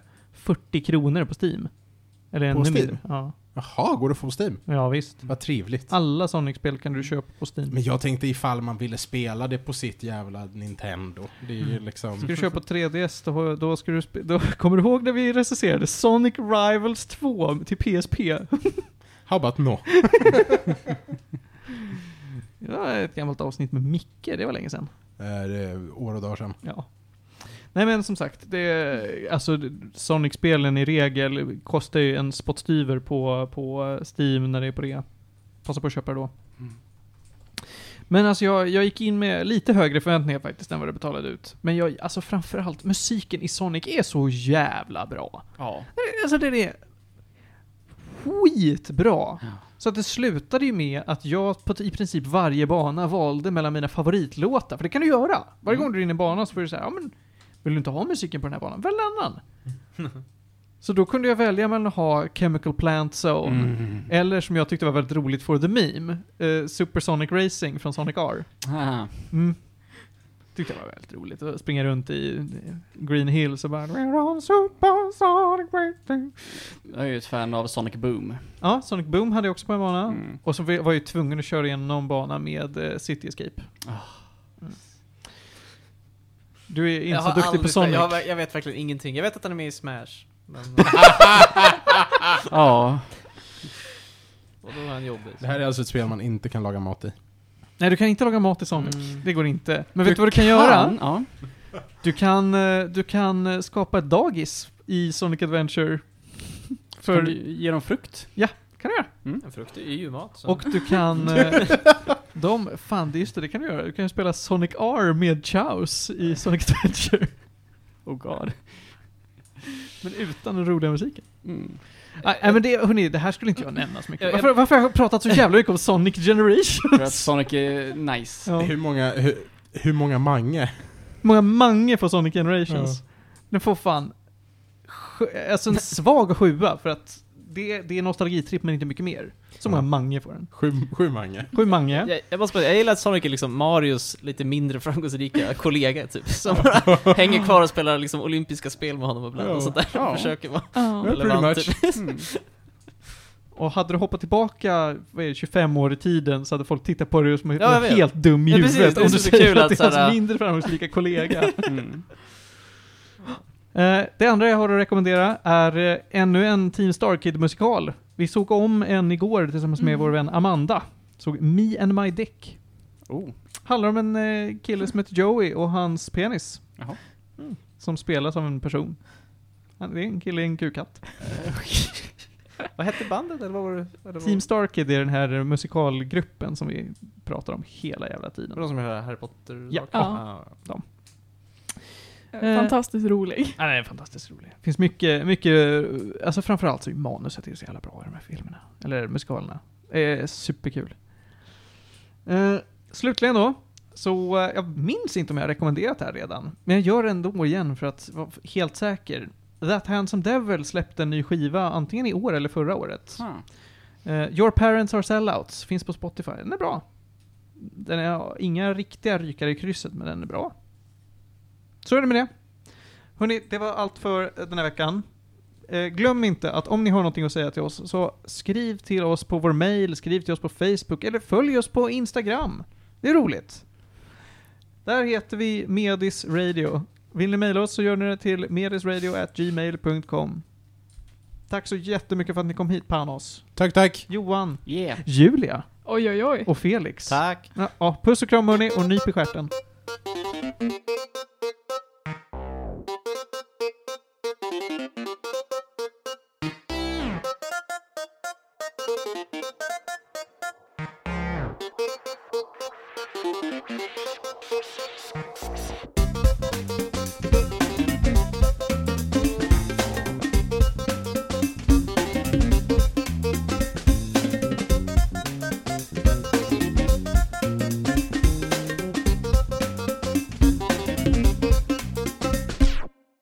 Jag är, jag är positivt inställd till att hinka till barn.